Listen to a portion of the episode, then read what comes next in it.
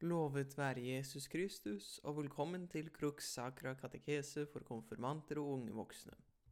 Jeg vil minne om at programmet både går på Sankt Rita Radio klokken åtte på torsdagskvelder, og som podkast legges den ut på Sankt Rita Radio. Og nå har Crux Sacra fått sin egen eh, side. Hvis man søker på Crux Sacra katekese på stedet man vanligvis pleier å høre på podcaster, så skal den dukke opp. Da, da, blir det kanskje enklere for enkelte å finne frem. Men altså, i dag skal vi snakke om Den hellige ånd.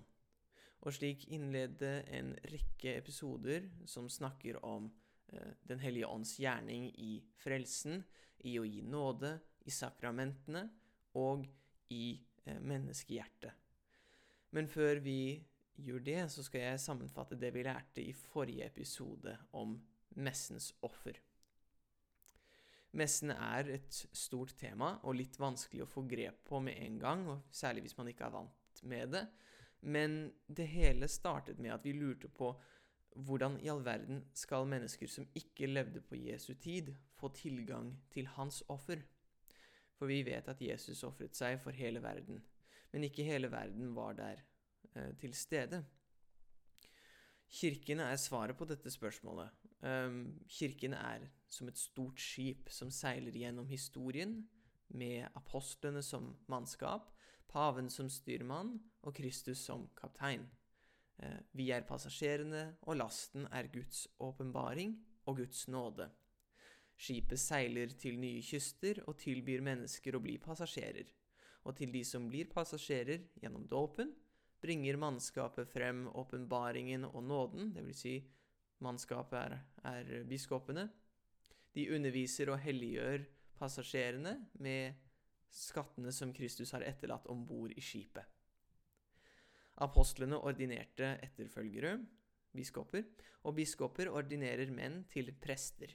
Prester kan stå i Kristi sted og frembære Kristi offer, slik som Jesus befalte dem den natten han ble forrådt.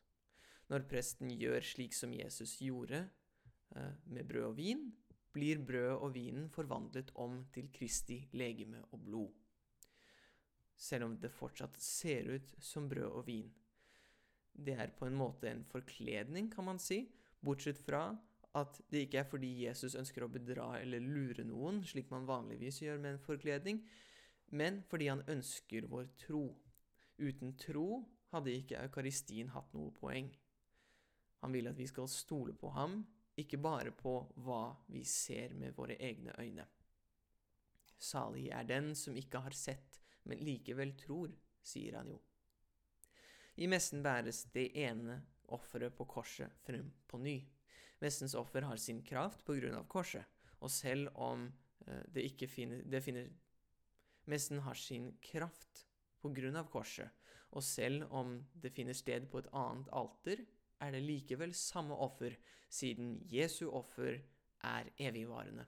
Jesus dør ikke på nytt, hans ene offer varer til evig tid og kommer nært oss i messen.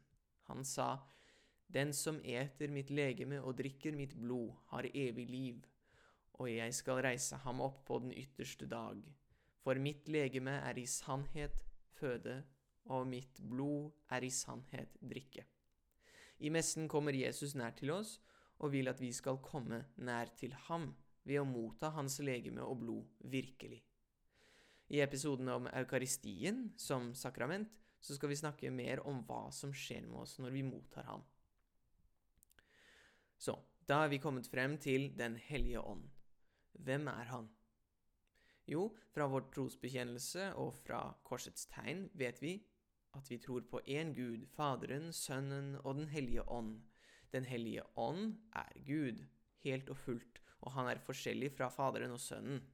Han er den tredje person i treenigheten. Som vi sier i trosbekjennelsen, han er herre og livgiver.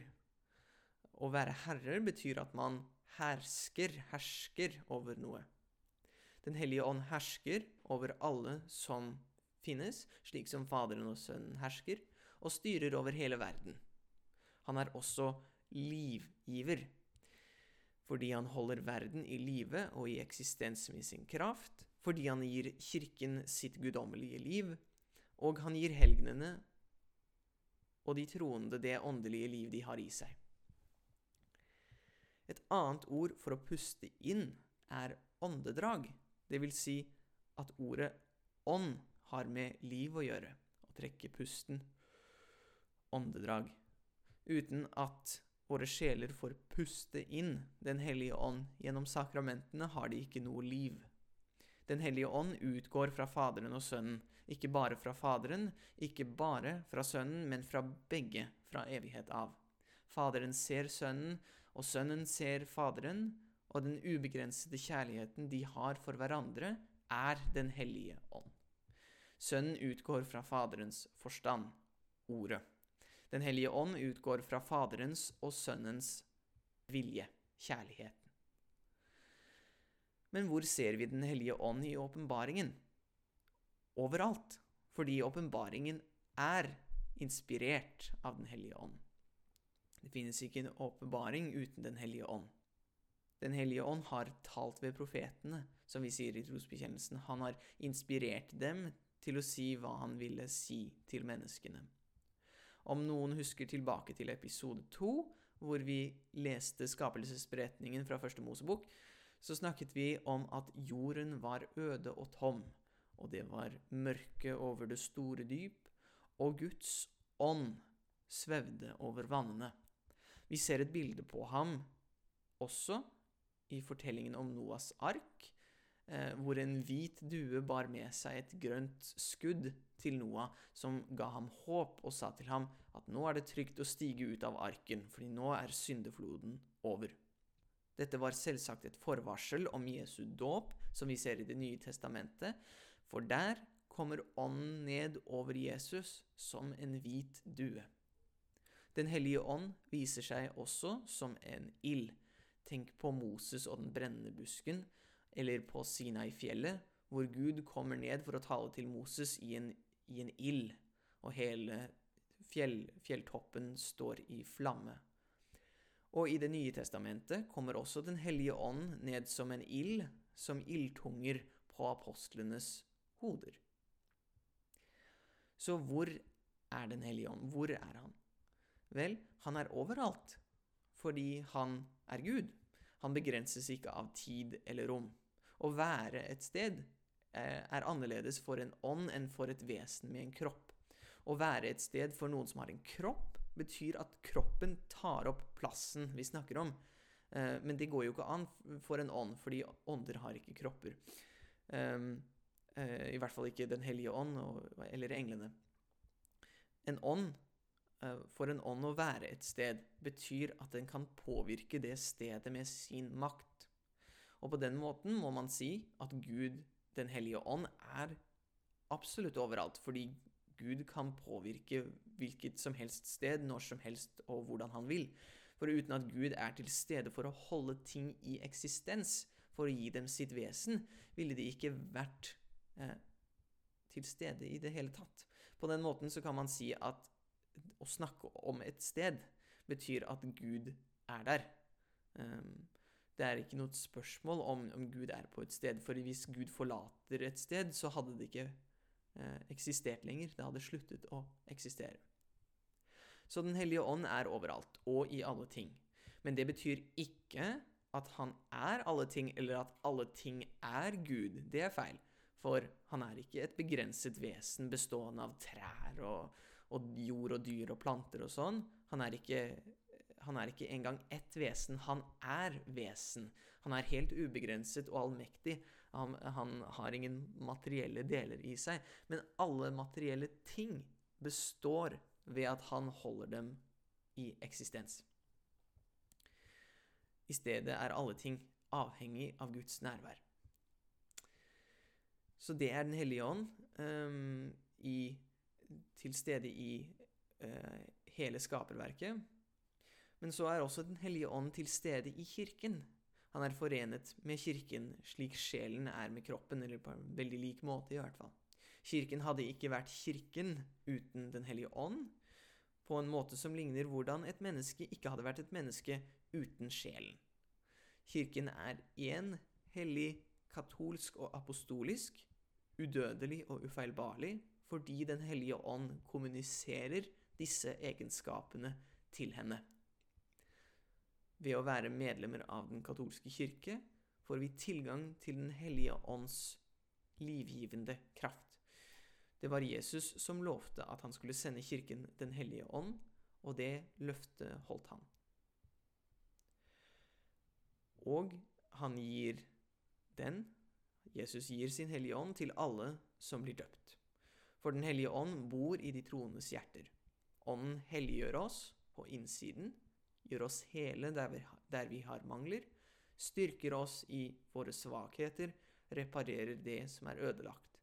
Han lar oss gjøre godt istedenfor ondt. Han kommuniserer seg selv til oss, så vi får del i Guds natur. Og med, og med hans nærvær får vi tro, håp og kjærlighet, og Den hellige ånds syv gaver. Visdom, forstand, råd, styrke, kunnskap, fromhet og Guds frykt. Eh, virkningen av Den hellige ånds nærvær i oss er at vi kjenner Gud, at vi eh, elsker Gud, og at vi dermed elsker våre neste på grunn av vår kjærlighet til Gud. Men jeg sier, jeg sier gavene igjen, fordi det kommer vi eh, snart tilbake til, eh, særlig for dere konfirmanter. Visdom, forstand, råd, styrke, kunnskap, fromhet og gudsfrykt. Visdom er den største gaven, og gudsfrykt er den minste, men selvsagt eh, veldig stor for det om.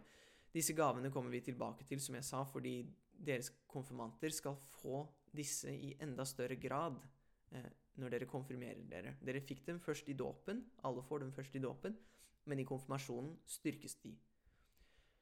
Siden mennesket, kropp og sjel, er Den hellige ånds tempel, så er det viktig å leve etter Guds vilje heller enn vår egen. Det er viktig å, å la, eh, la, oss føre av Den hellige ånd, eh, heller enn å gjøre som vi vil.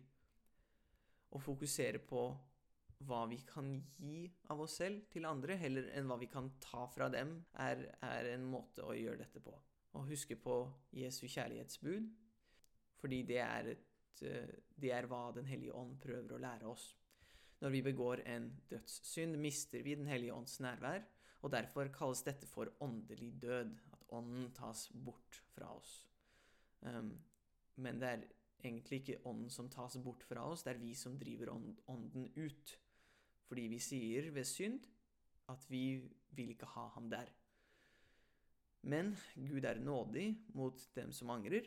I skriftemålet vil han tilgi syndere som bekjenner hva de har gjort galt, hvor mange ganger, og hvor ofte siden forrige gang de skriftet. Eh, de som virkelig angrer og ønsker å leve et bedre liv, og som villig tar imot boten som kirken gir dem. Skriftemålet renser sjelen fra ondskapen og gjør den klar til å motta Den hellige ånds lys igjen. Den hellige ånd kan bare holdes borte hvis vi stenger døren frivillig, men han ønsker inderlig å være hos oss for å trøste, styrke, undervise og bevare oss. Og han fortsetter å banke. Da engelen Gabriel kom til vår frue, jomfru Maria, for å fortelle henne om Guds vilje for henne, sa han Den engelen Gabriel, altså. Han sa Den hellige ånd skal komme over deg, og den høyestes kraft skal overskygge deg. Selvsagt var dette et svar på hvordan Maria skulle bli med barn, men vi er alle kalt til å motta Den hellige ånd og overskygges av den aller høyestes kraft. Eh, vi er kalt til å motta Den hellige ånd med åpent og villig hjerte, og å svare engelen slik Maria svarte, fiat. Det vil si, la det skje meg etter ditt ord. Tusen takk for eh, at dere lyttet til denne episoden, og jeg håper dere lytter neste gang. Kom, Hellige Ånd, fyll dine troendes hjerter, og tenn i dem din kjærlighetsild. Send ut din ånd, og alt blir omskapt, og du fornyer jordens åsyn. La oss be. Gud, du har opplyst de troendes hjerter ved Den hellige ånd. Gi oss ved ham sans for det som er rett, og evig glede ved Hans trøst. Ved Kristus vår Herre. Amen.